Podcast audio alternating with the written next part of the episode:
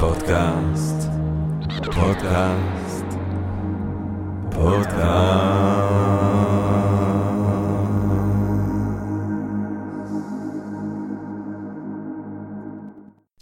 טוב, גבירותיי ורבותיי, ברוכות וברוכים הבאים לפודקאסט של Think and Ring Different, פודקאסט למי שאוהב לחשוב ולשתות. אני ג'רמי פוגל ואנחנו רוצים קודם כל להתחיל בהודיה.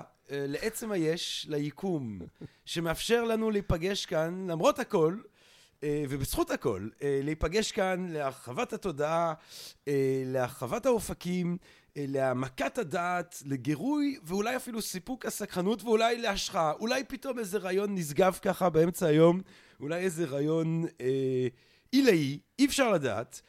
אה, איזה כיף לנו כאן, גבירותיי ורבותיי, בעיר תל אביב. העיר החופשית העברית הגדולה תל אביב אה, ואני חושב על תל אביב כי אני חושב ואני חושב גם על האופי התל אביבי כי אנחנו רוצים היום לדבר על עתיד אה, עתיד החילונים והחילוניות אה, בישראל. עכשיו קודם כל אולי אני רק אומר לקראת השיחה שלנו, כשאנחנו מדברים על חילון, אז באופן היסטורי אנחנו מדברים, זה משהו שכבר עלה כמה וכמה פעמים בפודקאסט, כשאנחנו מדברים על חילון, אנחנו מדברים על תהליכים של חילון, תהליכים שבעקבותם כוח ואוטוריטה שהייתה בידי אה, ממסדים וטקסטים דתיים עברו לממסדים וטקסטים אזרחיים. אז אם לפני תהליך החילון אה, מי שיש לו אוטוריטה, סמכות וכוח אה, זה הוותיקן והתנ"ך, יש תהליך חילון ואחרי כמה מאות שנים הכוח נמצא בידי אה, ממשלות אזרחיות, מלך או פרלמנט, אה, ובידי ספר החוקים, הוא בעל הסמכות. זה ברמה החברתית, הפרדת דת ומדינה וכוח שנמצא בידי, שנמצא בידי רשות אזרחית. ברמה האינדיבידואלית המשמעות של חינון היא שאני לא רואה את עצמי ככפוף לאף ממסד דתי אנצסטרלי. כן, אני לא, אה, אה, אה, אין רב או, או כומר או אימן שהוא זה שקובע עבורי איך אני חי ולמי אני מצביע ומה הם ההחלטות המוסריות, הפוליטיות, הקיומיות שלי. אני קובע זאת בעצמי. אגב, זה כמובן לא אומר שאני חסר אה, רגישות רליגיוזית, כן? אה, מכוננים הגדולים של החילון באירופה, רוסו אה, היה מאמין גדול, שפינוזה, אה, הכופר הגדול שפינוזה, אולי הש, היהודי החילוני הראשון, גם הוא כל כולו מציע פילוסופיה, כמו ששמעתם אולי בפרק אצלנו על שפינוזה, כל כולו אה, אה, פילוסופיה שהיא אה, מציעה גאולה לנשמה או לנפש דרך הבנתי כאופן של העצם שהוא אלוהים או הטבע. וולטר אומר, אה, אני לא אוהב אותך סליחה, אני לא נוצרי אלוהים, אבל זה רק כדי לאהוב אותך יותר. זאת אומרת, חילון זה לא אתאיזם. יש הרבה אתאיסטים חילונים. יש גם אגב אתאיסטים בעולם החרדי ובעולמות אחרות שממשיכים לחיות מסיבות חברתיות את הסגנון החיים המסורתי, אבל אה, חילון, יש אה, הרבה אתאיסטים שהם חילונים, אבל לא כל החילונים הם אתאיסטים, הם פשוט לא אה, נכנעים או לא רואים את עצמם ככפופים לאף אוטוריטה דתית. וכמובן שהשאלה שאנחנו רוצים להעלות היום היא איפה הדבר הזה, איך הדבר הזה בא לידי ביטוי בישראל, ואיך בחברה שמשתנה ובדמוגרפיות שמשתנות בארץ נראה העתיד לאנשים כאלה שחיים אה, בתל אביב, אבל לא רק בתל אביב, אה, שחיים בכל הארץ ורואים את עצמם כחילונים, אה, מה העתיד שלהם, ממה אנחנו אולי צריכים, על מה צריך לחשוב, וממה אולי אנשים שרואים את עצמם כחילונים צריכים לדאוג, כי אני עומד מול בן אדם שמודאג. בנושא הזה, גבירותיי ורבותיי, בא לדבר איתנו על עתיד החילונים בישראל. דוקטור רם פרומן, גבירותיי ורבותיי, שהוא האקטיביסט אולי הבולט אה, בנושא הזה ובתחום הזה בארץ. אה, דוקטור רם פרומן למד משפטים והיסטוריה באוניברסיטת תל אביב, אחר כך הוא עשה דוקטורט ב-EHESS, אה, דהיינו אקול דזות אתוד אנסיוס סוציאל בפריז, דוקטורט דווקא מפתיע, כי אנחנו מדברים על דוקטורט שהוא על השיח על הפרשות גופניות בתלמוד, גבירותיי ורבותיי. אה, עוסק בעריכת דין, אה, בהון סיכון, ואז בעצם אה, אה, החיים שלו כאקטיביזם מתחילים עם כך שהוא מוביל קבוצה ברמת אביב שנאבקת נגד חב"ד ונוכחות חב"ד בחיי החינוך וחיי הקהילה אולי של רמת אביב, נדבר על זה בהמשך. ב-2011 הוא מקים את הפורום החילוני. ב-2019 יוצא ספרו דרך החילונית, הדרך החילונית יוצא לאור בידיעות ספרים. רם פרומן הוא גם פסנתרן ג'אז להקתו פורס מינור עושה את מה שהם מכנים progressive jazz, דוקטור רם פרומן, שלום רב. אהלן. טוב, די עם הקשקשת הזאת שלי, דוקטור רם פרומן. אני אמרתי את שלי, אה, אני עכשיו רוצה שנפנה את הבמה אה, לסוגיה שלנו, בוא נתקוף אותה ישר בווריד הצוואר. אז אני אשאל אותך, אה, דוקטור רם פרומן, אה, מהו חילון ישראלי? מה, מי, מי הם החילונים בישראל? מה, מהי חילוניות ישראלית? מה אתה יכול לומר לי על הדבר הזה? אז אני חושב שקודם כל בתיאור שלך של החילון, יש עוד רבדים. אתה דיברת על הרובד המדיני, כלומר, החילון ברמת המדינה, ואתה דיברת גם על הרובד הממסדי, נקרא לזה, זאת אומרת, כאילו, המקור האינדיבידואל מול, ה, מול הממסד. מול הכוח. אבל יש, א', אני כן רואה את, ה, את החילון המטאפיזי, שאתה קורא לו אתאיזם, כחלק מהתהליך החילון, אי אפשר להתעלם ממנו בסיפור הזה. ויש עוד רובדים כמו קהילה, למשל, זאת אומרת, האם אני, מה קורה כשאני כחילוני מתחלן, מה קורה לקהילה שלי? וכל הדברים האלה. אני אומר את הדברים האלה כי זה מאוד חשוב, כי אחר כך אתה תראה איך הכל מתקשר. אבל כמובן שכשאנחנו מדברים על אה, ישראל ועל חילוניות, כשאתה שואל אותי על חילוניות בישראל, אנחנו כבר מסתבכים. ולמה אנחנו כבר מסתבכים? כי החילון הוא תהליך אירופאי, אפילו הייתי אומר נוצרי. כן?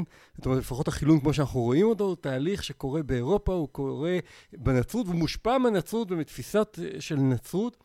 אה, ומה קורה כשכל זה שמים עליו את הסיפור היהודי. כן, זאת אומרת, גם ספציפית צריך, כדי לחשוב את תהליכי החילון באירופה, אנחנו צריכים לחשוב את הרפורמציה, 1517, לותר דופק בדלת בוויטנברג את 95 התזות, אה, פתאום אה, יש אפשרות להיות או קתולי או פרוטסטנטי, כחלק מהפרוטסטנטיות יש תפיסה של הפחדת הרשויות, אז איפשהו...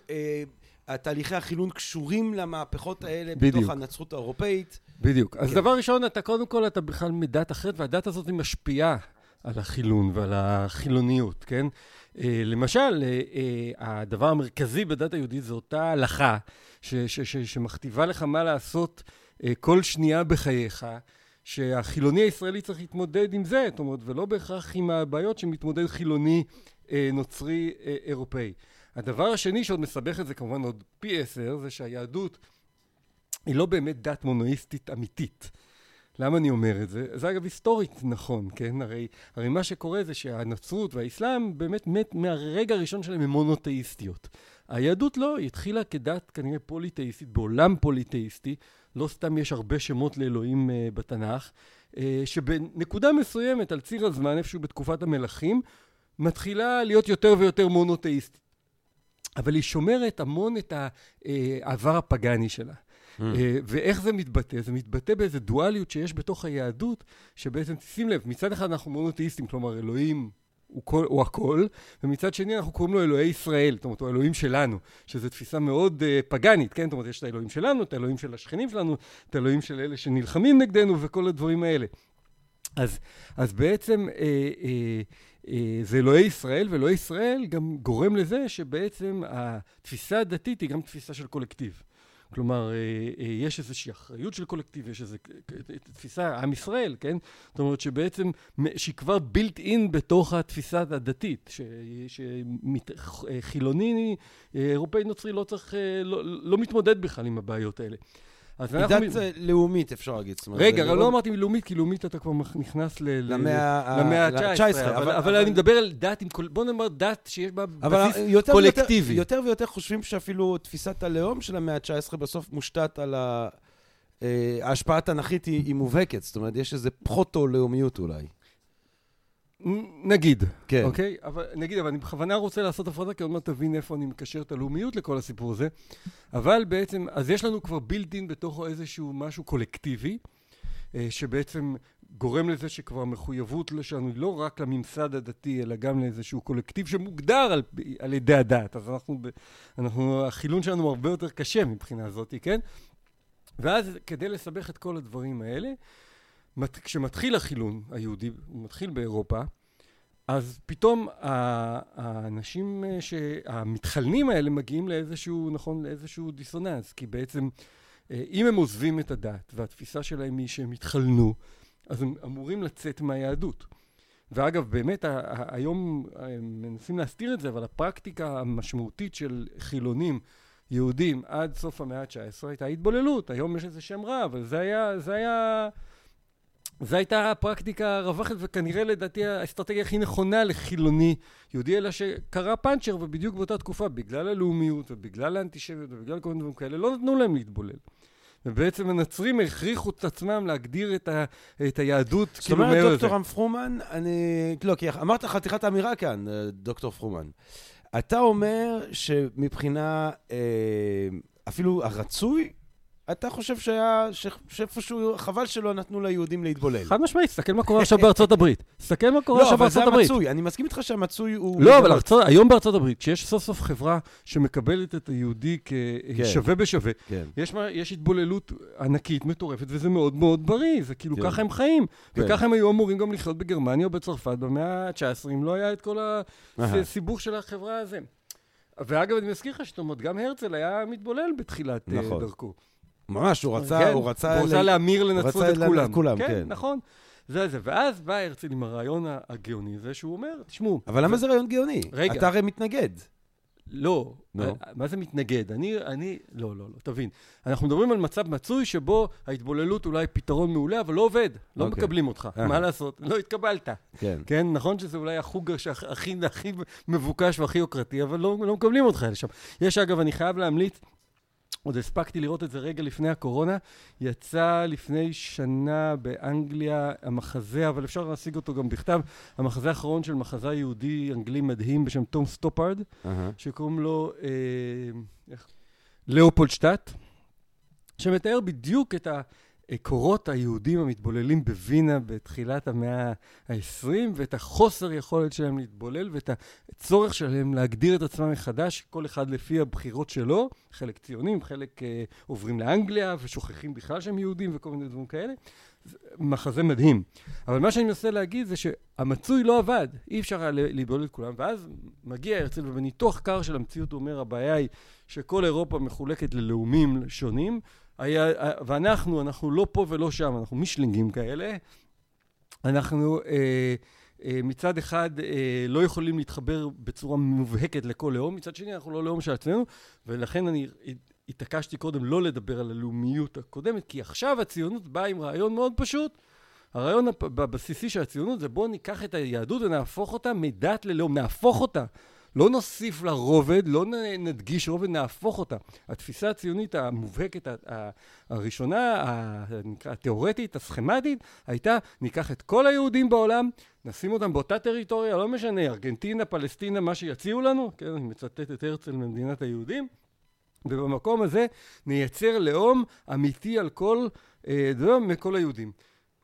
אה, וזה היה הפתרון, ואז לא, זה, אז כבר דת לא משנה ושום דבר לא משנה, כי בעצם יצרת לאום, זהו. עכשיו זה הפך, היהודי הפך להיות כמו צרפתי או, או גרמני או מה שזה לא יהיה. וכמובן שמה שקורה זה שביישום של הדבר הזה קורה שני דברים, אה, קורים שני דברים, שתי תקלות. דבר ראשון, מסתבר שרוב היהודים בכלל לא רוצים להגיע לפה. Mm-hmm. ואתה צריך להתחיל להתמודד עם העובדה שיש יהודים שהם לא בני הלאום שפה אתה הקמת, ומצד שני, הגעת לפה וגילית שיש בני המקום פה, נכון? שאתה לא יכול לייצר משהו שהוא רק של יהודים. אז התזה הזאת שהיהדות תהפוך מדת ללאום, נכשלת. היא מצליחה להקים פה מדינה, אבל היא נכשלת בבסיס שלה. עכשיו, מה היה צריך לקרות באותו, באותה נקודה, ובאמת קרה עד נקודה מסוימת, זה שיעשו הפרדה ויגידו, אוקיי, אז לא הצלחנו להפוך את היהדות מדת ללאום, עשינו משהו אחר, הקמנו לאום חדש ישראלי. והלאום הזה בין היתר אה, הוא עם רוב יהודי, עם מיעוט ערבי, אה, ובואו נייצר עכשיו את הלאום שלנו פה. אה, ומהרבה סיבות שאפשר לדון בהן, מה שהיה צריך לקרות לא קורה. כלומר, לא, אין פה, אין פה את התובנה שבעצם אנחנו צריכים עכשיו לפתח את הלאום הישראלי שלנו, שכבר, כמובן, אני כבר רומז לנושא שיחתנו, כמובן שהיה הרבה יותר פשוט לחיות בו כחילוני. כי הוא כבר מנותק מכל הגיבנת הזאת הדתית שמגולמת ב, ביהדות. אבל, אבל במקום, שנייה. כן, אז אני אומר, ובמקום זה, המשכנו לא רק אה, ש, שנסענו על עצמנו את הגיבנת הזאת, אלא עוד עכשיו בזמן האחרון אנחנו מפתחים אותה ומזריקים לה בוטוקס כל הזמן כדי... דוקטור רם פרומן, שנייה, כן. שנייה, שנייה, שנייה. תראה, אין, לא היה יכול להיות מצב, גם באוטופיה, האוטופיה המחולנת לחלוטין שאתה מתאר כאן, אה, הרי, הרי אין לאום שקם אה, לחלוטין יש מאין, נכון? אה, איך אומר ניטשה? תראה לי מקדש שלא ברור. נבנה עם האבנים של המקדש שקדם לו. נכון. אז, אז ברגע שאתה אתה מקיים לאום אה, אה, אה, ישראלי יהודי, או ישראלי שנובע מהיהדות, או שמאגד... ישראלי, שבין היתר יש ש- לו מקורות יהודים. ש... אז זהו, אז ברגע שיש לך מקורות יהודים, יש לך לוח שנה יהודי, יש אה, תשמע. אה, יום כיפור, והחופש הוא לא יהיה ב Christmas, נכון? החופש הוא יהיה בחנוכה ו- ובפסח. זה החלטות שלקחו, שלא בטוח שהן נכונות. לא, אבל, אבל, אבל אתה לא הולך לעשות לאום ישראלי שיש בו אה, רוב יהודי ונגיד מיעוט אה, מוסלמי, ולקבוע אה, Christmas כחג רשמי ממלכתי. אולי דווקא בתור פשרה בין היהודי למוסלמי, אולי זה לא, היה פתרון כן, לא רע. אפשר, אפשר גם לשים את החכות, אפשר גם לבחור חגים ב- בסין. מה שאני אבל, מנסה... אבל, אתה יודע, לא צריך גם להיות לא, נאיבי, לא, צריך לא. לקחת בחשבון אז- את האורגניות של תהליכים או, כאלה. מעולה. שנייה, ואם, ה- אם ה- ואם ה- ה- הלאומיות הישראלית נובעת מ- מ- ממקורות היהדות, אז היא יכולה לקחת אותם למקום, אה, אה, ל- לרובד תרבותי, לרובד מחולן, אבל לא, היש מאין הזה הוא, הוא בלתי אפשרי. אני לא.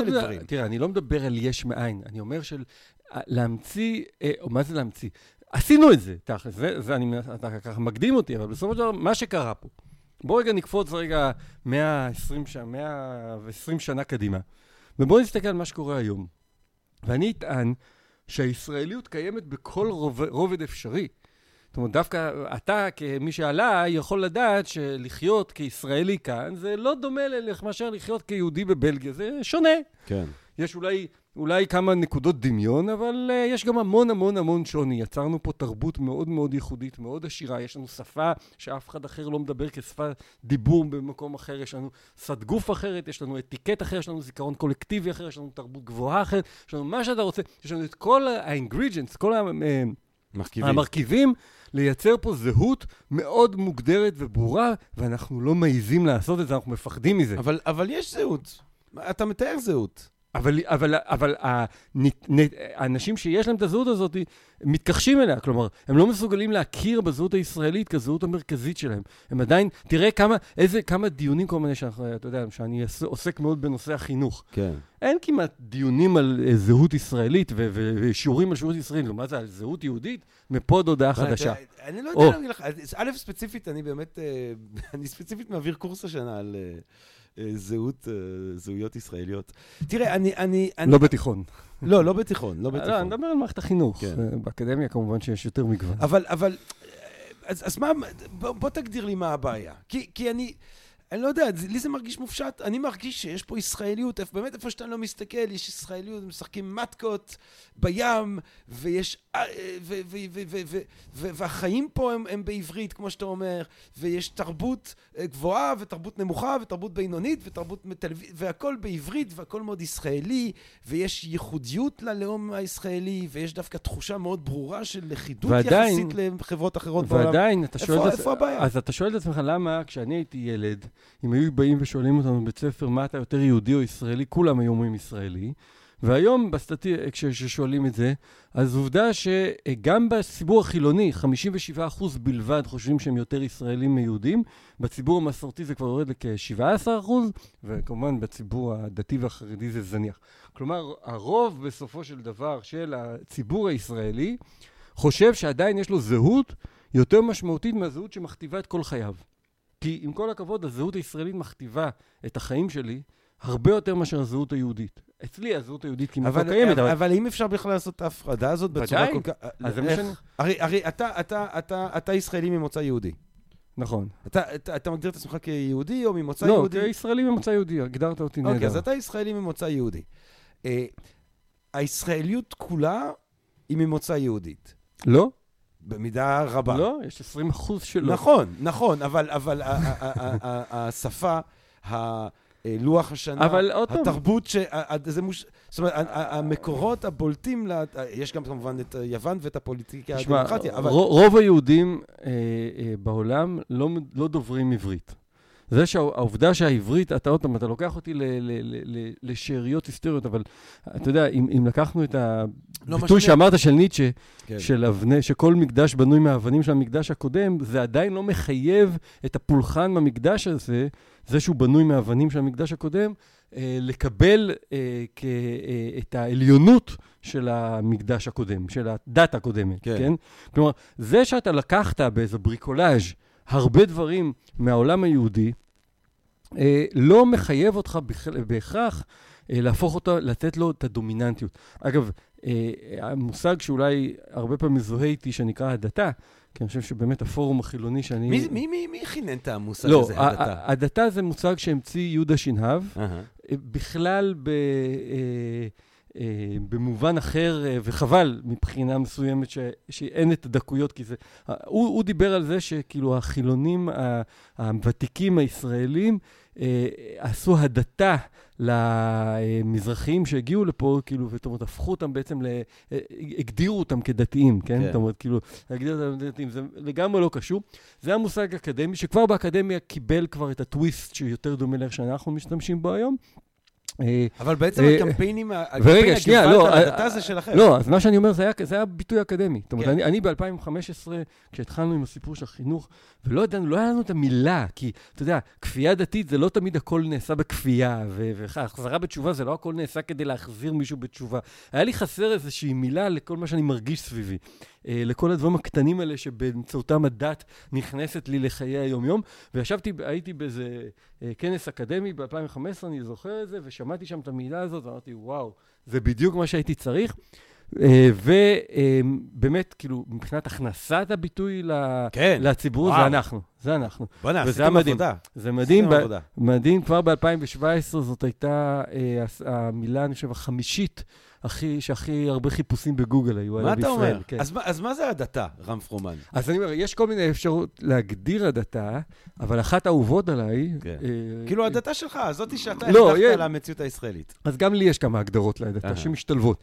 אבל אחת הדתות, אה, אחת ההגדרות שאני יותר אוהב של הדתה, זה כל התהליך של אה, אה, אה, שימת הזהות היהודית כזהות המרכזית של הישראלים. כלומר, כל התהליך הזה שבו מנסים לשכנע אותך שהזהות היהודית שלך היא הזהות המרכזית שלך, ולא רק עוד אחת אה, מהזהויות, ה, ה, ה, מה, מאוסף הזהויות שיש לך, שסביר להניח שהדומיננטית, אם אתה מסתכל במבט או באנתרופולוגי מבחוץ, אני חושב שהזהות הישראלית היא בסופו של דבר הזהות שמשפיעה על החיים שלי. כן, אבל, אבל את, את, המהלך הזה שלך, הוא מתבסס על זה שאתה מרוקן את הזהות הישראלית מהמרכיב היהודי שלה. או. שהוא... ו- וזה לא, זה פשוט לא, זה פשוט לא, לא, תראה, מתאר את המציאות. אז אני עוד פעם אומר, הזהות הישראלית, יש בה אה, יהדות בילטין יותר ממה שהייתי רוצה, כן? אבל בפירוש יש בה יהדות בילטין, אבל השאלה היא, עוד פעם, השאלה היא ההיררכיה. השאלה היא, היא ההיררכיה.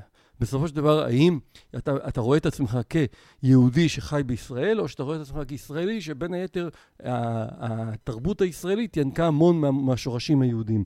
זה הבדל מאוד משמעותי. כי בסופו של דבר של איך אתה רואה את ההיררכיה, איך אתה מגדיר את ההיררכיה הזהותית שלך. אה, וזה, וזה זה אחת הנקודות שבהן הדתה, באמת, התפקיד שלה זה לדחוף את הזהות היהודית ולהבהיר שהזהות היא קודם כל יהודית ולפני הכל, כאילו, וזה, ולהכניס את זה בחינוך, להכניס את זה בצבא, להכניס את זה בכל מקום שבו יש איזשהו אה, חינוך. אתה כמעט לא מדבר על ישראליות, אתה מדבר המון המון המון על היהדות שלך ועל כל הדברים האלה. עכשיו, אני חייב להגיד לך שבחיים התל אביביים, הזהות, המרכיבים היהודיים של הזהות הישראלית, הם קיימים, אני לא יכול להתכחש אליהם, אבל הם, אה, הם בסימן שאלה, כי אתה יודע, כי זה בדיוק היפה, זאת אומרת, ברגע שאתה מוכן להכיר בזה שהזהות המרכזית שלי היא זהות ישראלית, שלא, אה, ש, שיונקת מה, מה, מהיהדות, אבל לא מתחייבת אליה, אה, אז אתה מוכן לשים סימן שאלה. אז למשל, אתה יכול להגיד, למשל, תשעה באב, עד לפני כמה שנים זה היה המצב, זה לא חג, יאללה, הפסיק להיות חג, לא מעניין, לא מעניין אותנו. אה, אתה, אתה יכול פשוט להוריד את מה שאתה רוצה. יום כיפור זה כיף כי יש שקט ונוסעים באופניים וכן הלאה, אז נפלא, בוא נעשה, נשאיר אותו. אבל ברגע שאתה מכיר ב, בעליונות של הזהות היהודית, אז, אתה, אז, אז כל ההיררכיה מתהפכת ואז אתה מסתבך. אה, נסיעה באופניים ביום כיפור, זה מנהג אה, ישראלי, יהודי, או גם וגם? אני אגיד את זה אפילו בצורה יותר יפה. אה, אני חושב שזו הפעם היחידה, הנקודה היחידה, שבה ה... נקרא לזה הישראלים הפוסט-ציונים, פוסט-ציונים לא מבחינת, אני לא נכנס לזה, אלא מבחינת זאת שהגל הגדול של הציונות מאחורינו כבר, אה, זה התרומה המרכזית שלהם אה, ל... אה, אה, נקרא לזה לתרבות היהודית, היחידה. בניגוד לציונות המוקדמת, שהיה בה המון רצון לקחת את החגים היהודים ולפסל אותם מחדש ולעצב אותם מחדש, כל הדחף הזה נעלם לנו בעשרות שנים האחרונות, והדבר היחידי שהצלחנו לעשות זה באמת לייצר יום כיפור שהוא ישראלי חילוני אותנטי. כן? הצלחנו לחלן את יום כיפור ולהפוך אותו לחוויה ישראלית. כלומר, לקחת, זה בדיוק הדוגמה של מה שאני מחפש. לקחנו שורשים יהודים, השתמשנו בהם לצרכינו, התאמנו אותם לאידיאולוגיות שמתאימות לנו, אם זה שמירה על היקום, ואתה אה, אה, יודע, ואקולוגיה, ו- ו- ו- ואולי אפילו התנתקות מהתרבות ההמונים, וספורט, ומה כן. שאתה לא רוצה, כן? ויצרנו פתרון שהוא מדהים, שהוא עובד ברמות, אה, אה, בהרבה רבדים ורמות. אני תמיד טוען שכל הכבוד לבר מצווה, שזה בעיניי טקס מיותר לחלוטין, הטקס התבגרות האמיתי של ילד במדינת ישראל, זה הפעם הראשונה שנותנים לו לנסוע לבד ביום כיפור עם החברים באופניים, בלי ליווי הורי. זה, זה, זה טקס ההתבגרות האמיתי של הישראלים היום. אה, אבל, וזה עוד פעם חוזר לנקודה שאנחנו דיברנו עליה קודם. של הישראלים, של אה, סגמנט מסוים. של הישראלים החילונים, כן, של החילוניות כן. הישראלית, שאנחנו מדברים עליה כל הזמן. אה, ואני חושב שהתופעה, מה שמטריף אותי בכל הדבר הזה, שתדבר עם רוב החילונים, והם לא מבינים את העוצמה של מה שהם עושים. עוד פעם, הם עדיין, רוב החילונים יתחילו להרגיש, לא, אנחנו עושים את זה רק, כאילו, הם לא מבינים את המשמעות התרבותית של מה שהם עושים, הם לא מבינים את זה, וכמובן שבספרי הלימוד, למשל בתוכנית אה, אה, תרבות יהודית ישראלית, אה, שחברך רון מרגולין הכניס... אה, מורי הוא רבי. מורי, מורך, מורך ורבך הכניס לתיכוניות, כמובן שאין שום שיח על זה ביום כיפור. זאת אומרת, יום כיפור עדיין יש לו את המבנה הדתי, הקלאסי, אף אחד לא חושב שנסיעה על אופניים צריך בכלל לדון בה. זה איזה מין קלקול של הסיפור, זה איזה מין עיוות. תראה, אנחנו לא ניכנס לפחתים של העניין של התוכנית, של הזה, של הפה, כן. אבל... אה, אה, בסוף יש, אני רק אומר שבסוף יש המון, מש...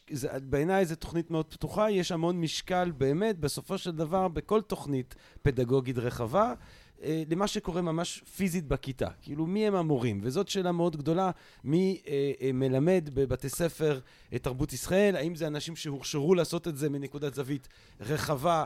אה, אה, הומניסטית, פלורליסטית, כמו למשל אה, בתוכנית אופקים שרון ניהל אותה, או, או, או שזה בנות שירות שהן באות עם, עם לב ענק, אבל עם תפיסה מסורתית. אבל אני רוצה, אני רוצה... אני חושב שהבעיה היא יותר מורכבת, אבל לא משנה. אתה רוצה כן. לא להיכנס, אז לא ניכנס לזה. לא, כי זה נקודתי, אני חושב, כן. לקהל הקדוש שלנו, אני רוצה, אני חושב, הייתי שמח להתמקד בשאלה הרחבה יותר.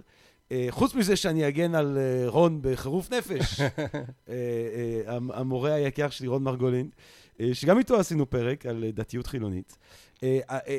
לא, אבל אני רוצה מנקודת זווית יותר רחבה לשאול אותך, איפה אתה מזהה תהליכי חילון? סליחה, תהליכי הדתה. שמסכמים את תהליכי החילון או כן. את החילונים. לא, קודם כל אני חושב שיש במקביל תהליכי חילון ותהליכי הדתה. זה לא משהו שסותר זה את זה. כן. אני חושב שחילון אה, אה, קורה, א', ככל ש... זאת אומרת, יש כמה הבחנות, בעיקר שמשויכות ל, אה, לגיא בן פורת. אה, א', ברמה שחילון יכול להיות שמאפיין יותר את המגזר הפרטי, בעוד הדתה מאפיינת יותר את המגזר הציבורי.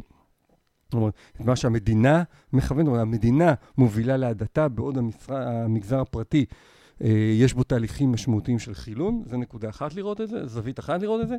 זווית שנייה, אני חושב, היא לראות את ההבחנה בין הקיום, וזה עוד פעם, זה, זה, זה מכניס לך לעוד אחת המורכבויות של המושג חילוניות, של השאלה של הפער בין חילוניות כתפיסת עולם, אם בכלל יש כזה דבר, אה, ובוודאי שהיא מורכבת, לבין חילוניות כפרקטיקה.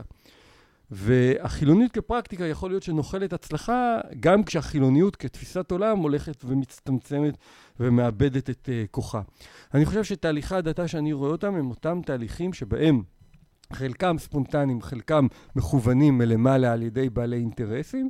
אה, הדת היהודית והיהדות, אה, ועוד מעט, ואפשר לדון גם במתח בין שני הדברים האלה, נכנסת יותר ויותר לחיים.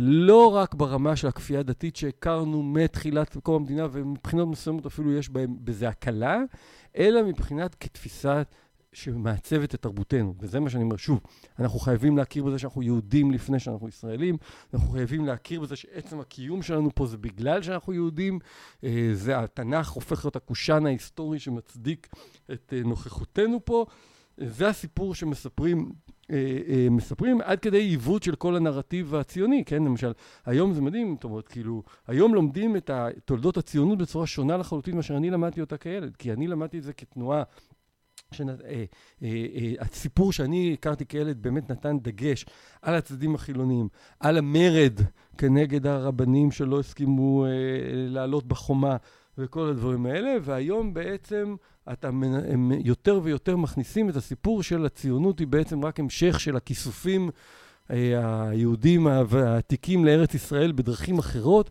אין בכלל אה, את הגישה הזאת הכל כך חילונית של הרצל, של עוד פעם, ארגנטינה או פלסטין, ניקח מה שייתנו לנו. כן. כן?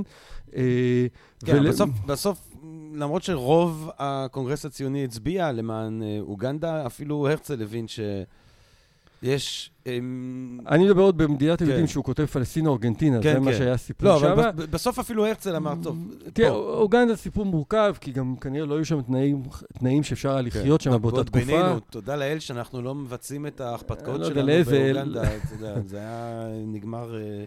אה, אני טוען שכל מקום שהיינו נכנסים אליו הייתה אוכלוסייה ילידית. אולי היה את המקום היה את המקום הזה, דווקא בגבול בין רוסיה לסין, שסטלין באיזשהו שלב רצה.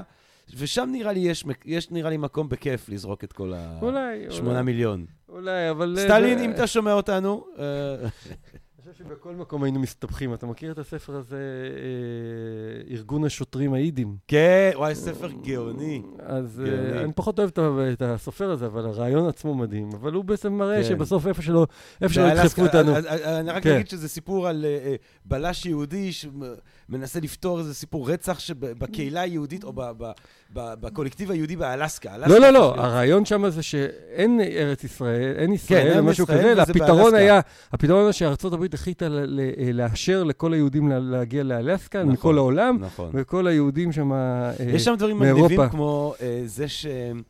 אה, אני חושב ש... peace, כאילו, שזה, אתה יודע, שזה כאילו גן. Uh, באנגלית, אז peace, הוא אומר אה, שלום, שלום זה peace, ושופר זה, זה הפלאפון, כן? כן. כי כל החיים הם ביידיש. בדיוק, אבל מה שאני מנסה להגיד, שגם שם אתה מסתבך עם האינואיטים. כן. אה, וכן הלאה, אז אני לא חושב ש... תמיד היינו מסתבכים. תראה, זו שאלה מעניינת אם... אה, אני, אני, עד תקופה מסוימת חשבתי, למה הביאו אותנו לפה עם כל המקומות הקדושים האלה וכל ה... הסיבוך הזה, זאת אומרת, כל הדברים האלה שכמו שגרשון שולם... מכתב לרוזנצוויג. בדיוק, העריך, כן. הוא דיבר על השפה, אבל לא משנה, אני מדבר על זה בצורה יותר מטאפורית, זאת עוד יקומו עלינו, כן? כן. כל הדברים האלה. כשאתה חי עם כל המקומות הקדושים בסביבה וכן על זה, אז אולי אם היינו אגב, באמת... גם פרויד חשב ככה, הוא כתב אם, היינו, אם, היינו, אם היינו חיים במקום אחר, יכול להיות שהיה אפשר לבנות חילוניות יותר בריאה. מצד שני, גם צריך לזכור שמעט החילוניות שיש פה נבעה מזה שבהתחלה הגיעו לפה רק אה, יהודים חילונים, אה, כי בגלל האיסור לעלות בחומה, ויכול להיות שאם היינו בונים את זה באיזה טריטוריה בארגנטינה או באלסקה משהו כזה, אז החרדים היו מגיעים מהיום הראשון, ויכול להיות שבכלל מהיום הראשון הייתה פה מדינה דתית. אה, וזה מוביל אותנו לשאלה של מה עושים היום החילונים במדינת ישראל. כאילו, כן. כאילו, כשהמדינה... אז כמו שאמרתי, ההדתה היא, היא, היא, היא המנגנון שבו בסופו של דבר המדינה נהיית יותר דתית, ואתה מקבל את זה מהרבה, אה, מהרבה זוויות. זאת אומרת, זה כמובן, מי שמוביל את זה זה, זה הדתיים הלאומיים, שלהם יש ממש אג'נדה מאז ההתנתקות. לשנות אותנו, לשנות את הצביון אה, של החילונים, ועושים את זה בצורה אקטיבית.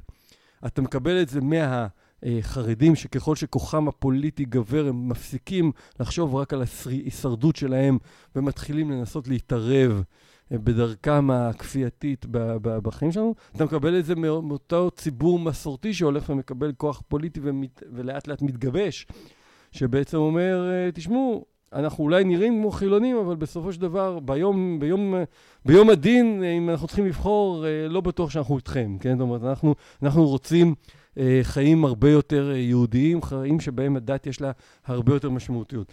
ולכל, ולכל הדברים האלה, בסופו של דבר, תוקפים ציבור שנמצא, כמו כל הציבורים החילוניים היום בעולם, במצב של משבר, במצב של חולשה רעיונית אה, זו או אחרת, אה, ומה שיותר גרוע, ללא שום כוח פוליטי. זאת אומרת, זה מדהים שהציבור החילוני, שהוא מיעוט, אבל עדיין המיעוט הכי גדול בישראל, הכוח הפוליטי שלו הוא כמעט אפסי. אה, בואו נראה, עכשיו אנחנו ערב בחירות, יכול להיות שדברים קצת השתנו, אני לא כל כך מאמין. אה, ואתה שואל את עצמך, למה לעזאזל ציבור כזה שהקים את המדינה, שהוא היה כל כך חזק מבחינה פוליטית, איך הוא מתפרק מכל כוחו, אה, מכל כוחו? והמשבר האידיאולוגי של החילונות העולמית, זה לא, זה לא יכולה להיות התשובה היחידה. היא קיימת, אני לא מזלזל בה, אבל זה לא יכולה להיות התשובה היחידה, ואני חושב שיש עוד כמה, עוד שתי תשובות מאוד מאוד חזקות. התשובה הראשונה, זה הסיפור של הממלכתיות. אני אומר שאני טוען תמיד שהחילונים נגועים, ב... נהיה אקטואליים, בווירוס הממלכתיות, כן? יש ממש וירוס של ממלכתיות שאתה הוטמע בנו. אני תמיד אומר, הרי חינוך ממלכתי, זה מגוחך לקרוא למערכת חינוך שהיום כבר פחות מ-50% מהילדים בכיתה א' מתחנכים בממלכתית. אבל היא מצדיקה את שמה בדבר אחד, היא מחנכת לממלכתיות בצורה אובססיבית.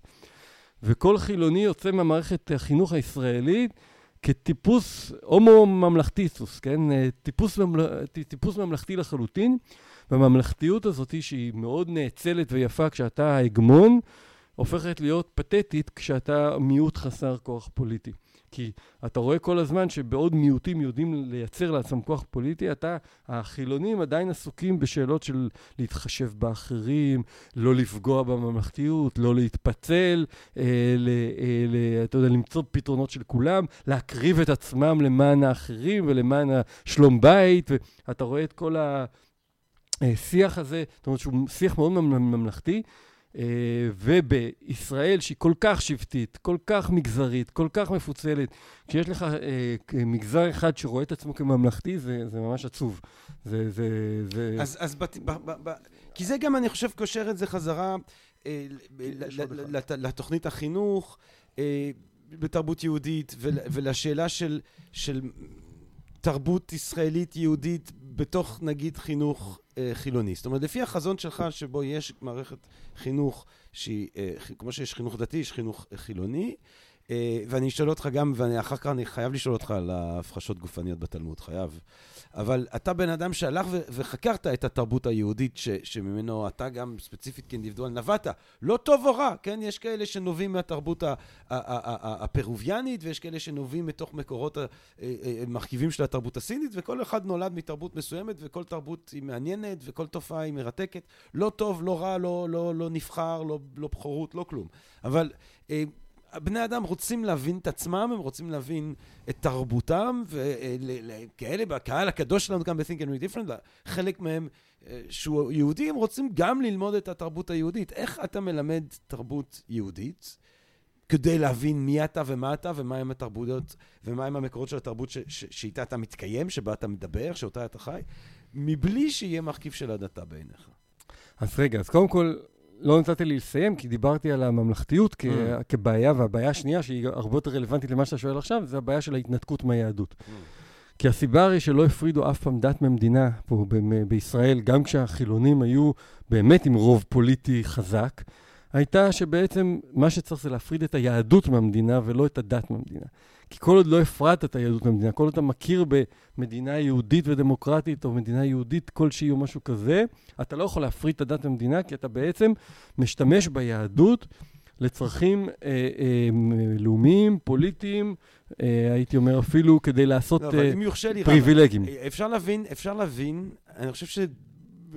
אפשר אולי גם לחשוב את השאלה של יהודית דמוקרטית, את היהודית ביהודית דמוקרטית, אפשר לחשוב כיהודית כדת, ואז באמת אה, יש לנו אה, זווית לתיאוקרטיה. אפשר לחשוב אה, יהדות כאתנוס, ואז אנחנו בדרך לסוג של חברה שמבדילה כן. על אפרטהייד. אפשר גם אבל לחשוב יהודית כמונח של תרבות, שנובע מהתרבות היהודית, וזה מושג שהוא פתוח. אבל הוא לא מושג חוקי. זה מושג שגם אה, אה, אה, ילדים, ילדים של פליטים ש, ש, ששרים את, את שירי פורים ופסח, אה, יכולים להיות שותפים לתרבות היהודית, גם אם בעצמם הם נוצרים. יש רק בעיה אחת, אני לא יודע מה זה תרבות יהודית. חילונית. אני יודע מה זה תרבות יהודית דתית. אני לא יודע מה זה תרבות יהודית חילונית. האם לאותו אה, אה, יהודי שבמאה ה-19, אה, שחי בוורשה, מול אותו יהודי שחי בקזבלנקה, כשהם היו נפגשים ביניהם, היה להם תרבות יהודית אחת? אני שואל אותך. אני... אתה, היה להם תרבות יהודית אה, דתית. זאת אומרת. בבית כנסת, כנראה, מלבד כל מיני הבדלי נוסח, הם היו מסתדרים. אבל מבחינת תרבות אה, חילונית, תרבות אה, אה, זה, הסיכוי היחידי היה שיכול להיות שהבחור מקזבלנקה והבחור מוורשה היו שניהם תלמידי אה, אה, מוסדות מער- מערביים, שכתוצאה מזה התרבות כן. המערבית היא זאתי שיכלה לייצר ביניהם קשר כן, לא, תרבותי. אבל, אבל אני לא מאמין אני יכול בתרבות. לענות על השאלה הזאת. אני חושב, אני, אני, אני, אני חושב שיש עובדתית, אה, אה, ותרבות זה משהו נזיל, אני לא חושב שתרבות זה משהו נצחי, אבל אתה הולך למקומות מסוימים, ויכול להיות שכבר על עכשיו לא, אבל אתה הולך אה, אה, לעולם היהודי-אמריקאי. יש תרבות יהודית אה, חילונית. דתית. מה, חילונית? מה? כן. וודי אלן הוא יהודי. או, רגע, יש תרבות בפירוש, יש תרבות, נקרא לזה יודו-אמריקאית חילונית, אם זה וודי אלן או פיליפ רוט או, כן. או סול לארי בלו, או מי, דיוויד, ש, כן. או מי שאתה לא רוצה. אבל, והסביבה אבל של- היא, של- אגב, היא לא, היא, היא, היא מדברת מעט מאוד, למשל, עם התרבות היהודית הישראלית. היא תרבות אבל- מקומית. אבל רב, היא, רב. אגב, יותר, היא, היא, יש לה יותר קשר לתרבות היידיש, של, נכון. זיכרונה לברכה, מאשר... אה, זצ"ל, זצ"ל. זצ"ל. לא, אבל רם, אה, רם, לא, אבל, אבל זו שנייה, נקודה מאוד שנייה, אבל- אבל משמעותית. תן לי- תן לי רק להשלים, ולומר שבסדר, בסדר שזה תרבויות מקומיות. יש את התרבות היהודית החילונית של אנטוורפן שבה גדלתי. יש את התרבות היהודית החילונית של פריז, שיש מעגלים שמסתובבים בהם. ויש בארץ אה, תרבות אה, יהודית חילונית. מה, מה, לא. מה הבעיה? כי זה לא נכון, כי התרבות, קודם כל התרבות בישראל היא משותפת גם ללא יהודים. ערבי שעבר ישראליזציה מלאה, וחלקם עברו יותר, חלקם פחות. הוא, הוא חלק מהתרבות הזאת בדיוק כמו, אני תמיד אומר, סייד קשוע. הוא אחת הדוגמאות הכי מובהקות בעיניי לתרבות ישראלית, והוא לא יהודי. אז מה, למה אתה מייהד אותו ב... ב אני ב- לא אתה- מייעד אותו, אותו. אני מייעד אותך. לא, כ- כך, אני, אני גם לא, אני עוד אומר, אני, אני חייב להודות שכשאני, ואני במסגרת עיסוקי הסתובבתי הרבה בארצות הברית, וישבתי עם הרבה אמריקאים, ואני אומר לך שמה שמאחד בין היהודים האמריקאים לאמריקאים הלא יהודים הוא הרבה הרבה הרבה יותר גדול מאשר מה שמאחד אותי אליהם. כי אה, הדבר כמעט היחידי שמ- ש- שקשור אלינו, הם אפילו לא כל כך, הם בדרך כלל לא בקיאים אפילו בעבר המשותף אה, של השואה וכל הדברים האלה וזה, אלא הם מדברים על יר- ירמולקה וכל מיני דברים כאלה שהם בעיניי זרים לתפיסת עולמי. אני לא יכול לחבר, להתחבר אליהם על סמך זה שהם אוהבים... אה, אה, לעשות כל מיני דברים דתיים בטקסים שאני לא קשור אליהם. אז מה שאני מנסה... אבל... שנייה, אני חושב שתרבות זה משהו הרבה יותר עדין, יכול להיות. זאת אומרת, אני, אני, אני, למשל, רואה- אני רואה את לארי דיוויד הרבה, כן? עכשיו, יש איזו סצנה שבלארי דיוויד מדהימה, שהוא הולך, הוא פוגש מישהו ב-waiting room של אונקולוגיסט, אז כנראה שיש לו סרטן, ולארי דיוויד לא כזה אוהב אותו, והבן אדם בא, אה, ויש לו את המשקפיים ככה על החזה, מחזיקים אותו באיזה חוט, ולארי דיוויד בא ללחוץ לו את היד, והוא נותן לו חיבוק, ואז בחיבוק לארי דיוויד לכאורה שובר לבן אדם את המשקפיים, ואז הוא אומר, או, סורי, והבן אדם אומר לו, לא נורא, אני אשלח לך את האינבויס.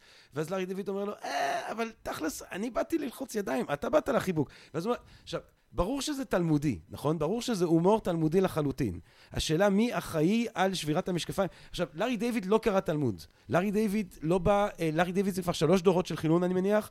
אה, אה, אני מניח שסבא שלו הכיר תלמוד, אבל התלמוד איכשהו טמון בתוך מרחב הקיום של לארי דיוויד באופן כזה שזה עדיין כרגע חלק מהקיום של הבן אדם הזה. אם הוא רוצה להבין מה מקורות ההומור שלו עצמו, הוא צריך גם לחשוב על היידיש וגם לחשוב על, על התרבות התלמודית שממנו הוא נובע. עכשיו, זה לא אומר שבעוד שתי דורות הצאצאים של לארי דיוויד עדיין להם את הקשר הזה, אבל כרגע זה המצב. שוב, אבל אני חושב שלמשל בישראל, שבה, שדחתה את התלמוד, לפחות בשנים הראשונות נכון. לקיומה, אז התלמודיות הזאת היא הרבה פחות משמעותית. אתה הרבה יותר משייך אותה ליהודים לא ישראלים מאשר לישראלים. הישראלים, להפך, אה, נו- נוצר פה אתוס שהוא אנטי-תלמודי, מבחינה מסוימת אפילו אנטי-השכלתי, שאני לא אוהב אבל את גם זה. כדי להבין את האתוס הזה צריך להבין אותו איך שהוא נובע אבל מתוך מקורות תראה, היהדות אני שלו. עוד פעם אומר, אני, אי אפשר להגיד, אני לא מסתיר את העובדה שהיינו פעם יהודים, בסדר? זה לא, אני לא מתכחש אליה, זה קיים. היינו פעם אבל, יהודים. אבל יש, יש, יש... אבל, Once we were Jews. כן, אבל... אבל יש, תראה, יש עוד... וואלה, זה שם טוב, היינו פעם יהודים. צריך לספר הבא שלך, רם. לא, תחשוב, זה ספר טוב. כן. היינו פעם יהודים. כן. על תרבות ישראלית. כן. שם טוב. כן, לא, סליחה. אבל, אבל זה בדיוק העניין. זאת אומרת, אתה... זה משהו אחר, אתה יודע, קח לדוגמה את, ה, אה, את אחד הקלישאות של ההתחדשות היהודית שאומרת לי, אה, שאומרת, אבל אנחנו לא נוכל אה, להבין את סופרי התחייה, ברנר, כן, וכל אלה, זה, בלי להבין את המקורות היהודיים שמאוד נכחו אצלהם. ואני אומר, אוקיי, א', אני לא בטוח שאני צריך לשנות את עולמי רק כדי להבין את הסופרים האלה, זה אחד, אבל, אבל ניחא. אבל דבר שני, אם כבר מדברים על הסופרים האלה, הרי הספרות הרוסית השפיעה עליהם לא פחות מאשר התכנים היהודיים. כן? אה, ואחרי זה אתה רואה, זאת אומרת, אה, והיום הספרות האמריקאית משפיעה, והתרבות האמריקאית משפיעה עלינו וכן הלאה וזה. יש פה עוד פעם את, הניסיון הזה לשים את היהדות במקום אה, היררכי פריבילגי. ואני אומר, התלמוד משפיע? נהדר, אבל יש גם המון, המון דברים אחרים שמשפיעים שהם לא יהודים. והבחירה הזאת היא לתת, להתעקש על זה שההשפעות היהודיות, הם, יש להם איזה מין חשיבות היררכית, פה הבעיה. אני לא מתכחש להשפעות האלה, אני להפך, אני נהנה מכל ההשפעות, אבל אני רוצה להיות מושפע אה, להסתכל בצורה הוגנת ולראות את ההשפעות הכלליות אה, אה, היהודיות, האירופאיות, המזרחיות, מה שאתה לא רוצה, הכל השפיע בצורה זו או אחרת, ואני בפירוש אטען שלפחות על הישראליות השפיעו גם תרבות המערב וגם המזרח התיכון השפיע לא פחות מאשר מה שאתה קורא התרבויות היהודיות. אני לא יכול לדבר על תרבות יהודית, כי אני באמת לא מכיר תרבות יהודית אחת. תרבויות יהודיות, אני אוהב. אני, אני באופן כללי חושב שכל תופעה, זה משפט שאני אומר אותו פעמיים בשבוע, בשבוע דל, גם של ניטשר, אפשר להגדיר רק את מה שאין לו היסטוריה. אפשר להגדיר משולש ושוקיים, כי לפני אלפיים שנה, בעוד אלפיים שנה, בעוד עשר מיליון שנה, מעולה. משולש ושוקיים זאת המשולש. אה, כל תופעה היסטורית מתוקף היותה היסטורית כל הזמן משתנה ומתפתחת. התרבות היהודית או התרבויות היהודיות זה תופעות היסטוריות שכל הזמן משתנות ומתפתחות, ומה שקרה... ומתפתחות אחרת במקומות מסוימים. במקומות אחרים. ולנו יש את הבחירה להגיד... ואנחנו לא נזהה את התרבות היהודית של בעוד אה, בדיוק, 50 שנה או 100 שנה, ואני אומר, ואז אנחנו מגיעים למצב של הבחירה שלנו, שהיא לא, שהיא לא רק שלנו, כי יש ממסד שמנסה לשנות את הבחירה הזאת ולכפות על הבחירה אחרת, היא עד כמה המשקל שאנחנו נותנים לתרבות היהודית. ואני אספר לך סיפור מאוד נחמד, הייתי פעם באיזה פאנל, אפילו גם באיזה מין uh, פאנל של התחדשות יהודית כזאת, אני לא זוכר, uh, בארי יכול להיות שזה היה, או, אני כבר לא זוכר איפה זה היה. Uh, והייתה שם איזה בחורה, חוי פנחסי אולי, או משהו כזה, לא משנה, איזה מתחדשת יהודית כזאתי, והיא אמרה בפאנל כזה, אבל היהדות היא האימא של כולנו. ואז הצביע איזה בחור מהקהל ואמרת לה, תשמעי, אולי אימא שלך, אצלי מקסימום דודה רחוקה. ואני התאהבתי בזה, ואני החלטתי, מדבר מאז על מודל הדודה רחוקה. היא קרובת משפחה עדיין, זאת אומרת, זה לא שאני זורק אותה לגמרי, אבל היא דודה רחוקה. היא נחמד להיזכר בה, אבל אם היא תתנחל אצלך בסלון, זה פחות נעים, כן? אבל אז תן לי לשאול אותך שאלה באמת. אז זה היררכיה. אני לא מתכחש, רק מה שאני עושה, אני לא מתכחש לזה שיש מקורות תרבותיים, כן. אני יוצא כנגד... אה, הדברים ברורים, הדברים ברורים. אני רוצה לחזור לשאלת החינוך. אה, לפי המודל, אה, תעזוב את המצוי, בוא נחשוב על הרצוי שלך, דוקטור אמפרומן. לפי המודל שלך, אה, אה, וזה בהקשר גם של התוכנית שדיברנו עליה, שהיא בעצם, הרעיון הוא לחשוב מחדש על איך אנחנו מחנכים אה, ילדים שמצד אחד יבינו את ה... את, את, את, את הדודה הזאת, שיכירו את הדודה, אבל יכירו אותה גם באופן של תרבות רחבה, רב גונית, משתנה וכולי. ילדים שגודלים בחינוך החילוני שאתה מקים, איך הם, מה הם ילמדו? איך, איך אתה מלמד אותם, איך אתה מלמד להם את מקורות הקיום היהודי-ישראלי שלהם, ישראלי-יהודי, אם אתה מעדיף, או ישראלי נקודה, לא. או ישראלי נקודה. אה, איך אתה מלמד להם את, את המקורות האלה באופן שהם לא יהיו בורים לגבי התרבות שלהם עצמם? אגב, אנחנו שנינו אה, יודעים שבצרפת מאוד מתעקשים על זה שאתה תדע את, את התרבות הצרפתית ואת כן. מקורותיה וכולי. איך אתה עושה את זה באופן שהוא כשר למהדרין מבחינת הפורום החילוני? אז התשובה היא קודם כל שאתה שם את הדודה במקומה. כלומר, עצם השאלה שלך היא כבר נותנת לדודה הזאת יותר מדי uh, חשיבות. כן. כי השאלה שלי היא מה מחנכים את הילדים האלה. וכשמחנכים את הילדים, וכשאני מסתכל למשל על מה מתחנכים ילדים בבית ספר ישראלי מצוי, אני מזדעזע מהפער או מהחוסר אה, סבירות ביחס שבין האוניברסלי אה, לפרטיקולרי. אני מוכן להכיר בזה שדברים פרוטיקולריים מקבלים בכל, ואתה הזכרת את המודל הצרפתי שהוא קצת מוקצן בעיניי, אבל שתרבות פרטיקולרית כנראה צריכה לקבל איזשהו יחס מועדף, אבל אני חושב שכשאתה מסתכל, הבעיה המרכזית היא לא איך מלמדים להכיר את הדודה, אלא איך מכירים את העולם, שכולל המון אנשים מרתקים חוץ מהדודה הזאת. אה, זאת הבעיה המרכזית בחינוך היום. ולכן אה, השאלה היא, היא כבר מניפולטיבית מבחינתי, כי היא שמה אותי במקום של לדון בטפל כשאני מוטרד מהעיקר. והעיקר בעיניי הוא, הוא חוסר החינוך לאוניברסליות, וזה דבר שהוא לא רק השכלה, זה דבר שהוא משפיע על הכל, כי אתה, זה, זה הופך אותך למסוגר, הופך אותך לגזען, כשאתה לא מכיר את העולם ואת, ואת כל הטוב האנושי, כן? ואת כל... אה, אני מחפש את כל מה שאנושי אינו זר לי. כן, משפט של אמ, טרנטיוס. טרנטיוס. כן. וזה מה שאנחנו צריכים לבחון. אנחנו צריכים לבחון איך אנחנו נותנים דגש לפרטיקולרי הישראלי, הרבה דגש על האוניברסלי, ו- ורק כשיצבנו מחדש את הפירמידה הזאת ואת המבנה הזה, אז אפשר אה, לצקת לה גם מקורות יהודיים, כי כמובן שאני לא רוצה לפספס אותם. ומה מה היית, איזה מקורות היית... אז אני חושב, ש, אני חושב שקודם כל, אה, התנ"ך הוא ללא ספק מבחינתי מעניין לא רק כמקור יהודי, אלא כמקור אה, של כל התרבות המערבית. זאת אומרת, אי אפשר להבין את התרבות המערבית בלי התנ"ך, ולכן זה, זה מקרה מאוד קל. כי לא משנה מאיפה תסתכל, התנ"ך חייב להיות שם. שוב, היום לומדים בבית ספר את, את התנ"ך. בדיוק כמו שלומדים את כל 99.999 אחוז היצירה האנושית מחוץ לתנ"ך. זה היחס, כן? אחד לאחד. אז זה לא סביר. אבל בפירוש הייתי... מה, כן... איזה יחס סביר? היחס סביר הוא יחס שנותן לתנ"ך אה, מעמד משמעותי, אבל עדיין, אה, אני לא חושב שצריך מקצוע נפרד לתנ"ך, אבל אני חושב שבמקצוע על יסודות התרבות האנושית, הוא בפירוש צריך לככב. אה, אבל אין מקצוע יסודות התרבות האנושית. אה, הגיע הזמן שיהיה. כן. הגיע הזמן שיהיה. אה, ושם התנ"ך צריך לשחק אולי את התפקיד הכי גדול. כן. אבל הוא לא... אבל גם הומרוס, דון קיחוט. שייקספיר, הכל, כאילו, כן. וכמובן אה, אה, יוצרים מהמזרח. כן, רומי. כן. אני מצטער, אני... קצת טאואיזם. בוא נזרוק קצת טאואיזם לילדים, בטח. אני עדיין מודה שאני מאוד, אתה יודע, אוריינטד למערב בתפיסה כן. שלי, אז הדוגמאות מהמזרח הן חשובות, אבל הן לא תמיד קופצות לי. גם זה משהו שצריך בחינוך לאזן. לגמרי. אז זה דבר אחד. עכשיו, לגבי תלמוד, תראה, אני לא מחסידי התלמוד, זאת אומרת, עשיתי עליו דוקטורט ולא נפלתי. כן. לא נפלתי, כן? אה, ואני חושב שאני מכיר המון טקסטים הרבה יותר מעניינים ממנו, אבל עדיין אני חושב אה, ש...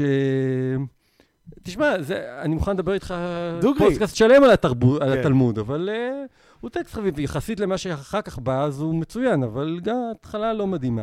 אבל uh, uh, בפירוש... Uh, uh, אבל מה משך ש... אותך? בוא, בוא, אני רוצה לשאול את השאלה הזאת.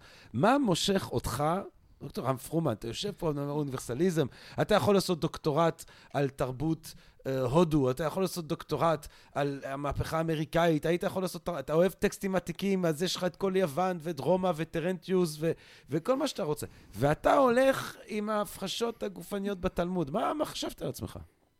שיש לי כישרון בינוני לשפות. Uh-huh. אז עדיף שאני אתעסק עם טקסט שהוא יחסית, בדיוק. כן. חשבתי שזה, התחלתי עם עברית, ואתה יודע, ואז גיליתי שגם צריך ארמית, אבל זה עדיין יותר קל לישראל. אה, אתה יודע, בסופו של דבר יש קוניונקטורה כשאתה מגיע באקדמיה. אני יכול לדבר על מה הבנתי מה, מהדוקטורט, אבל להיכנס לסיבות של איך הגעתי לאיך ש... לא, שהגעתי... זה לא יהיה איזה חיפוש לנסות להבין ולראות את, את אז, הזהות, אז, את התרבות. היהודית. לא, את... בדיוק הפוך. זה בא מכיוון אחר לגמרי, זה מאוד מצחיק. אתה יודע, ב... בבית ספר שלמדתי בצרפת, זה בדיוק הפוך, למשל, מארצות הברית, אתה לא יכול להתקבל אם אין לך תזה. Mm. זאת אומרת, אתה, אתה צריך תזה ומנחה שיאהב את התזה. בש, לפ, לפני זה לא התקבלת לבית ספר.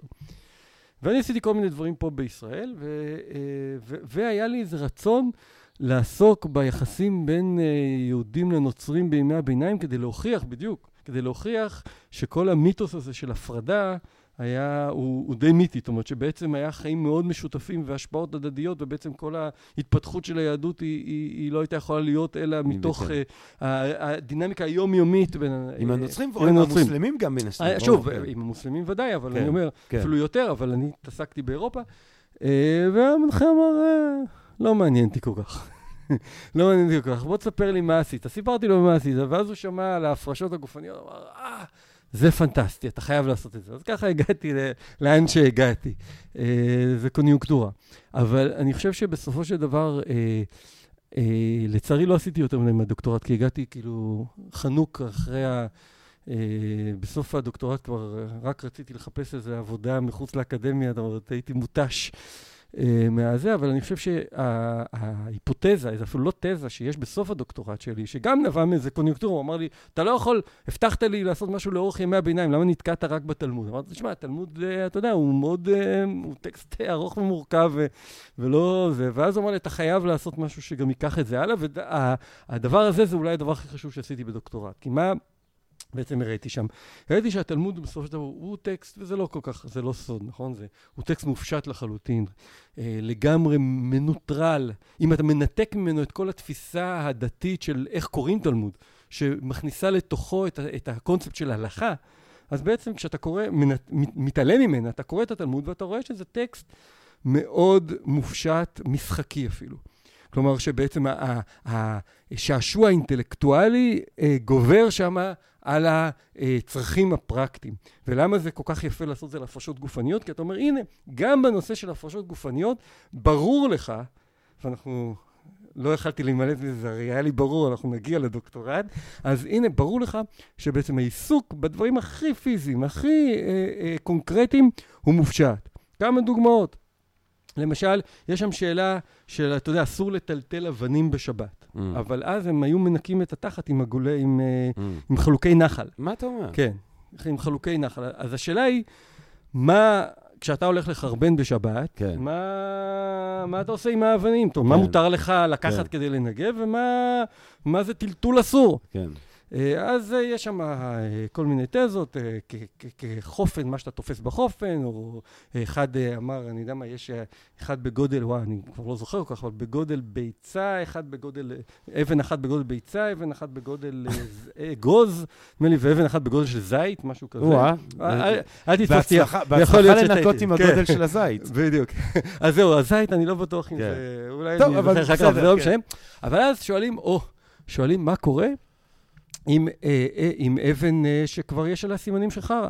הרי ברור שאם יש עליה סימנים של חרא, הרי יהודה הוא לנק, לניקוי התחת. אז, אז האם אם אתה יכול לאסוף 100 אבנים כאלה וזה עדיין מותר? ואז הם אומרים, אה, יכול להיות, אבל רגע, מצאנו איזה טקסט שאומר שמי אה, אה, שמשתמש באבן שכבר, שכבר השתמשו בה, אה, אה, יסבול מתחורים. אה. אז אי אפשר.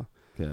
אז מה הם מציעים? הם אומרים, רגע, אז יש, יש שלוש תזות. אחד אומר, תשמע, צריך להבחין בין... אה, אה, רגע, תן לי רק... הראשון הוא טכנוקרט, הוא אומר, בין אבן ש, ש, שיש עליה אה, חרא בצד אחד לבין כזאת שיש עליה בשני צדדים. זה מותר וזה אסור, כן? זה הטכנוקרט.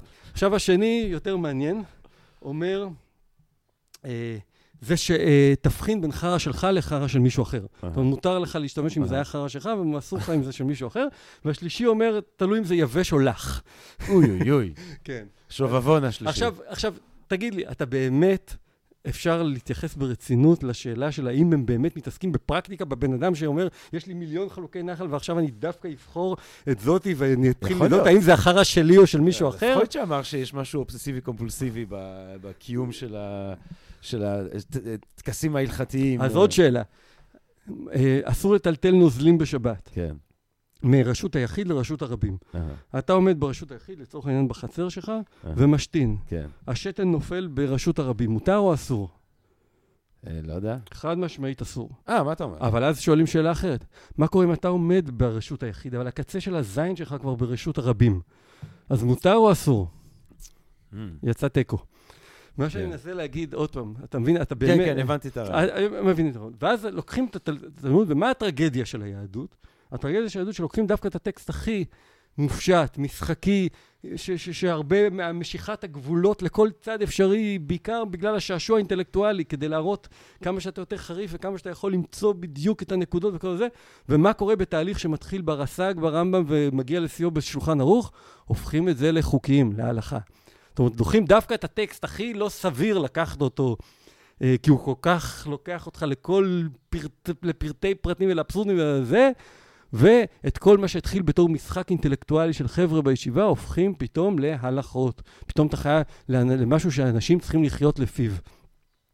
וזה, אה, וזה אני חושב שזה מה שפחות או יותר הדוקטורט שלי ניסה להציג, את אותו, את אבל. אתה רואה, כן. אז, אז, אז אתה רואה שיש פה משהו שמתכתב עם כל השיחה שלנו, במובן הזה שהתובנה הזאת שלך, ההבנה שלך של האופי, או מה שאתה זיהיתי, שזיהית כאופי המופשט והמשחקי של התלמוד, אחר כך מתקבע על ידי חוק, וזה מוביל בעצם לסוג של אה, סגנון חיים, בוא נגיד, שאתה מאוד לא רוצה להיות שותף לו. ההבנה העצמית הזאת שלך, אה, כיהודי, ש... או, או, או כ- כישראלי, ממוצא יהודי, שמבקש להתנער מהדבר הזה, בא מתוך הבנה של הדבר שאתה רוצה להתנער ממנו. אבל עוד פעם אני אומר, כאילו, האם- האם- אין לי התנגדות לזה. האם אתה לא מפחד, אני אשאל את זה בצורה כזאת, האם אתה לא מפחד שילד שלא יודע בכלל מה זה תלמוד ומה זה הלכה, הוא יותר בסכנת חזרה בתשובה, סכנה במרכאות, חזרה בתשובה, מאשר ילד שלמד ויודע מה זה, ולא מפחד מזה, וזה לא מרשים אותו. אז כבר פעם שנייה שאני צריך להגיד לך, זאת לא השאלה, נכון? למרות שאני, זה לא דיון פוליטי. זה בדיוק לא השאלה, כי אני חושב שהשאלה היותר קריטית לגבי השאלה של החזרה בתשובה, האם אותו ילד קיבל חינוך הומניסטי עמוק, מסודר, ליברלי, שמבין, שהוא מבין את מקורות הסמכות החילוניים, ולכן הניסיונות של להחזיר אותו בתשובה אה, ינדפו, כי יש לו אה, אה, אה, תפיסה מוצקת כן. של הפירמידה הערכית שלו. רגע, רוצה או, או, או, או, שנייה, לא, אבל אני- זה הנקודה המשמעותית, כי אתה מבין? כי, כי אם אין את זה, אז זה לא מש... אז, אז כשאתה תלמד, וזה לא משנה מי ילמד אותך, וכי, כי אני לא יודע מה הוא שווה בעצמו, ומה הוא יודע בעצמו, ועד כמה הוא מבין בעצמו, אבל ככל שאתה תלמד יותר על היהדות, כשאין לך את הבסיס הערכי, החוץ-יהודי הזה, אני חושב שאתה תהיה כפוף להחזרה בתשובה. זה, זה השאלה הקריטית. אני רק, השאלה של... אני רק אוסיף שאני מבחינתי גם פה לא רואה אסון, אה, זאת אומרת, אנחנו מדברים מתוך אסון של חזרה בתשובה, זה דבר רע.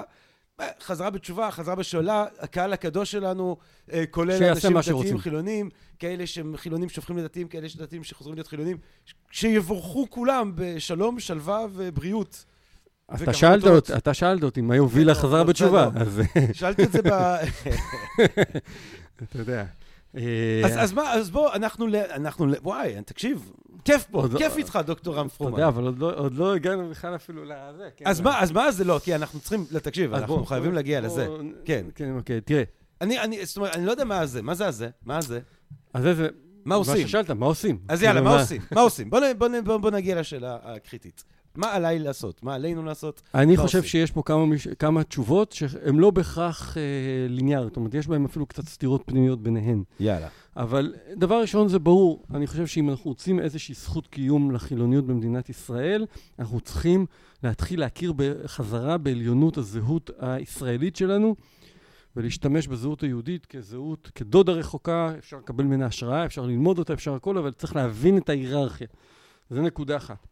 נקודה שנייה, שהיא קריטית, וזו הנקודה הקריטית, כמה שאני מדבר, וזה, ופה הסתירה הפנימית, כמה שאני מדבר ישראליות, ישראליות, ואתה אפילו הערת לי באיזה שלב מסוים, הרי אני כל הזמן חושב על ציבור מסוים בישראליות.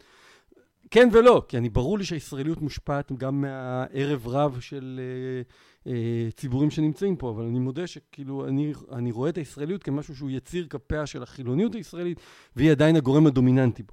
בסדר? ו... אה, ואה, ועכשיו, רגע, שזה, לא, זו עמדה, מוט... שאגב, עמדה אגב, מוטעית. אגב, זאת עמדה מוטעית. זה עמדה מוטעת, זאת עמדה, זה, זה גם עמדה של הגמוניה שכפה את עצמה על אנשים אחרים. כמו שאתה רואה כפייה דתית, אפשר גם לחשוב כפייה או, אני- כזאת על מעולה.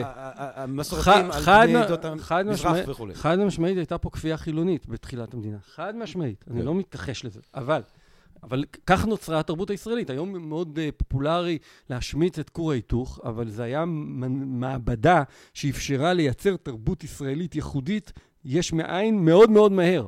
לא יש מאין, אתה אומר, אבל עדיין uh, משהו חדש. כן. יש במ- מי- יש מי ישים. יש מי יש מי ישים מאוד מאוד מהר, ולא צריך לזלזל בזה.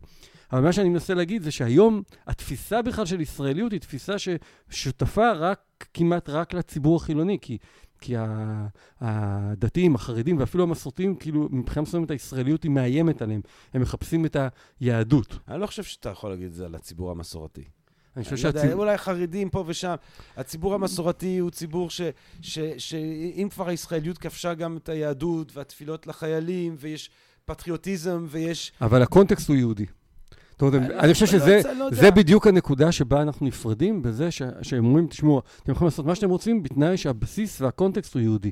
זה, אני חושב, האסנס של המסורתיות. כאילו שהעיקרון המארגן חייב להיות יהודי. זה המפתח. זה לדעתי המפתח שמפריד בין מסורתיות לחילוניות, כי מבחינת חיי היום-יום הם כמעט יכולים... הרי גם יש חילונים שעושים כל מיני טקסים וכל מיני דברים כאלה. כן. זה שבן אדם עושה קידוש, זה לא הופך אותו מיד למסורתי. אני חושב שמה שהופך בן אדם מחילוני למסורתי, זה התפיסה שהיהדות היא הקונטקסט המארגן, היא הדבר המרכזי, ועכשיו בואו נדבר על הישראליות בקונטקסט שלו. בניגוד למה שאני מנסה, שערי החילוניות שאני מנסה... אתה בעצם פוסט-יהודי.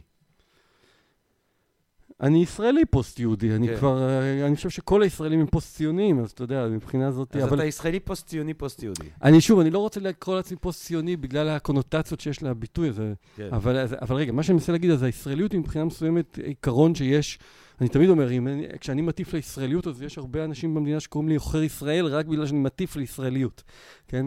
אה, יש פה איזו סתירה כזאת, אבל מה שאני מנסה להגיד זה שבסופו של דבר, ופה אני מתקשר להיעדר כפייה, אה, המיקרופון הוא, כן, זה סוג של נס של הפיזיקה. הנה, כן. ככה.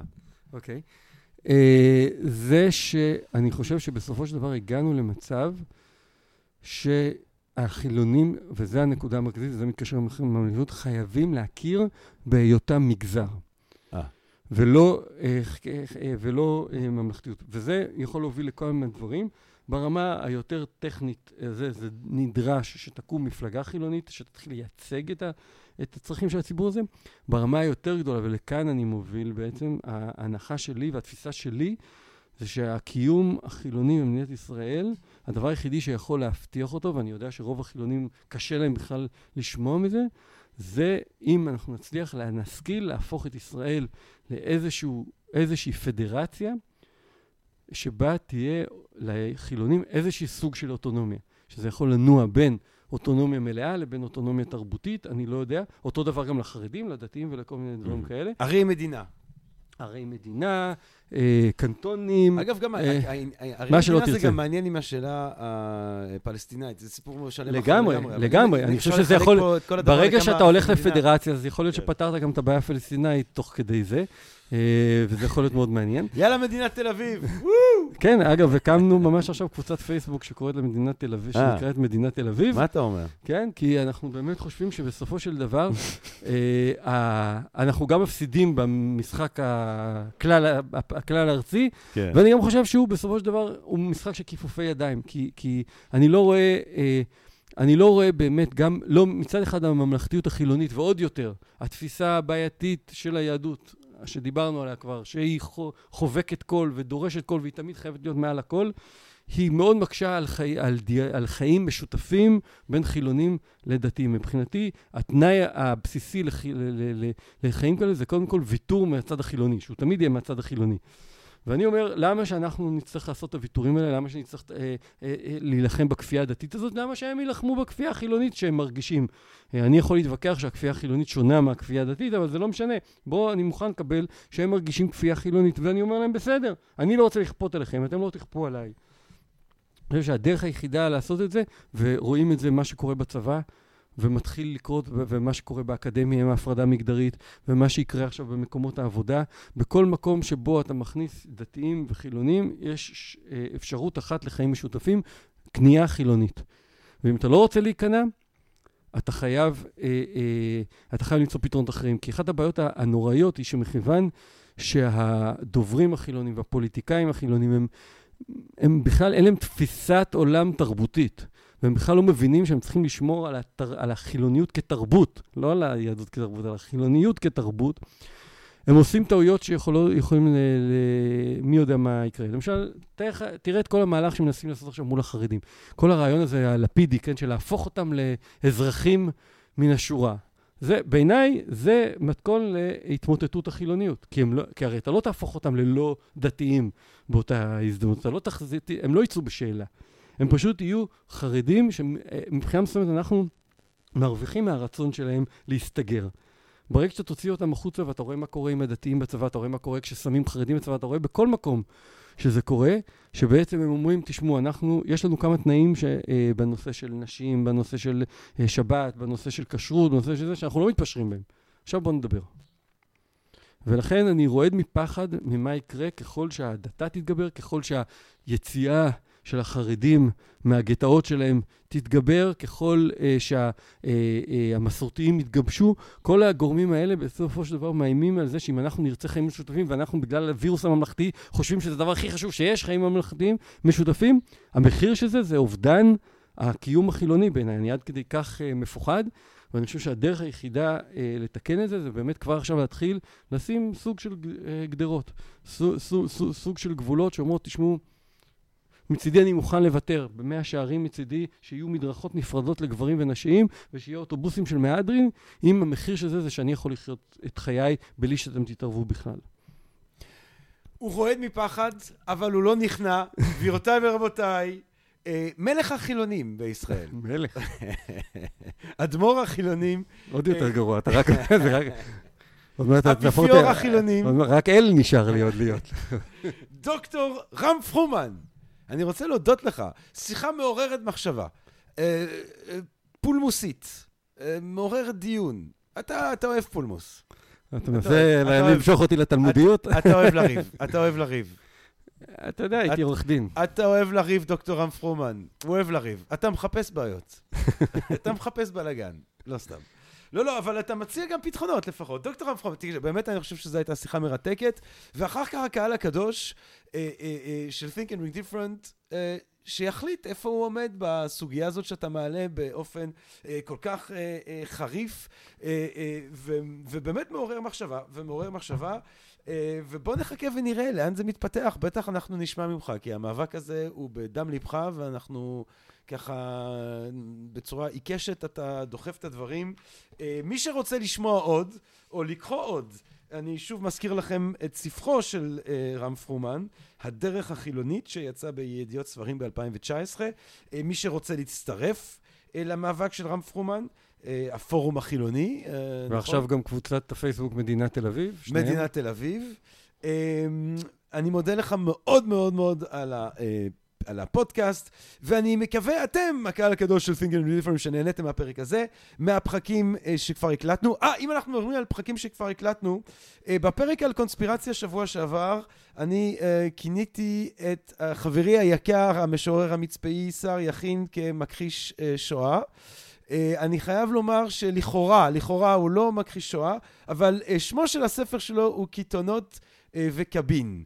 אז אני מתנצל על זה שלא אמרתי את שם של הספר, סער יכין במצפה רמון, אה, וחשוב אבל שתדעו שהוא עדיין משתמש בבירה כאמצעי לניקוי, גם של שיער וגם של הבגדים שלו, עם התוצאות הצפויות. שר יכין, אנחנו מבקשים, אה, די להשתמש בבירה כסבון. אני מקווה מאוד שנהניתם מהפרקים שכבר הקלטנו, מאלה שעוד נקליט. מאחל לכם כל טוב, רק בריאות, ונשתמע. פודקאסט, פודקאסט, פודקאסט.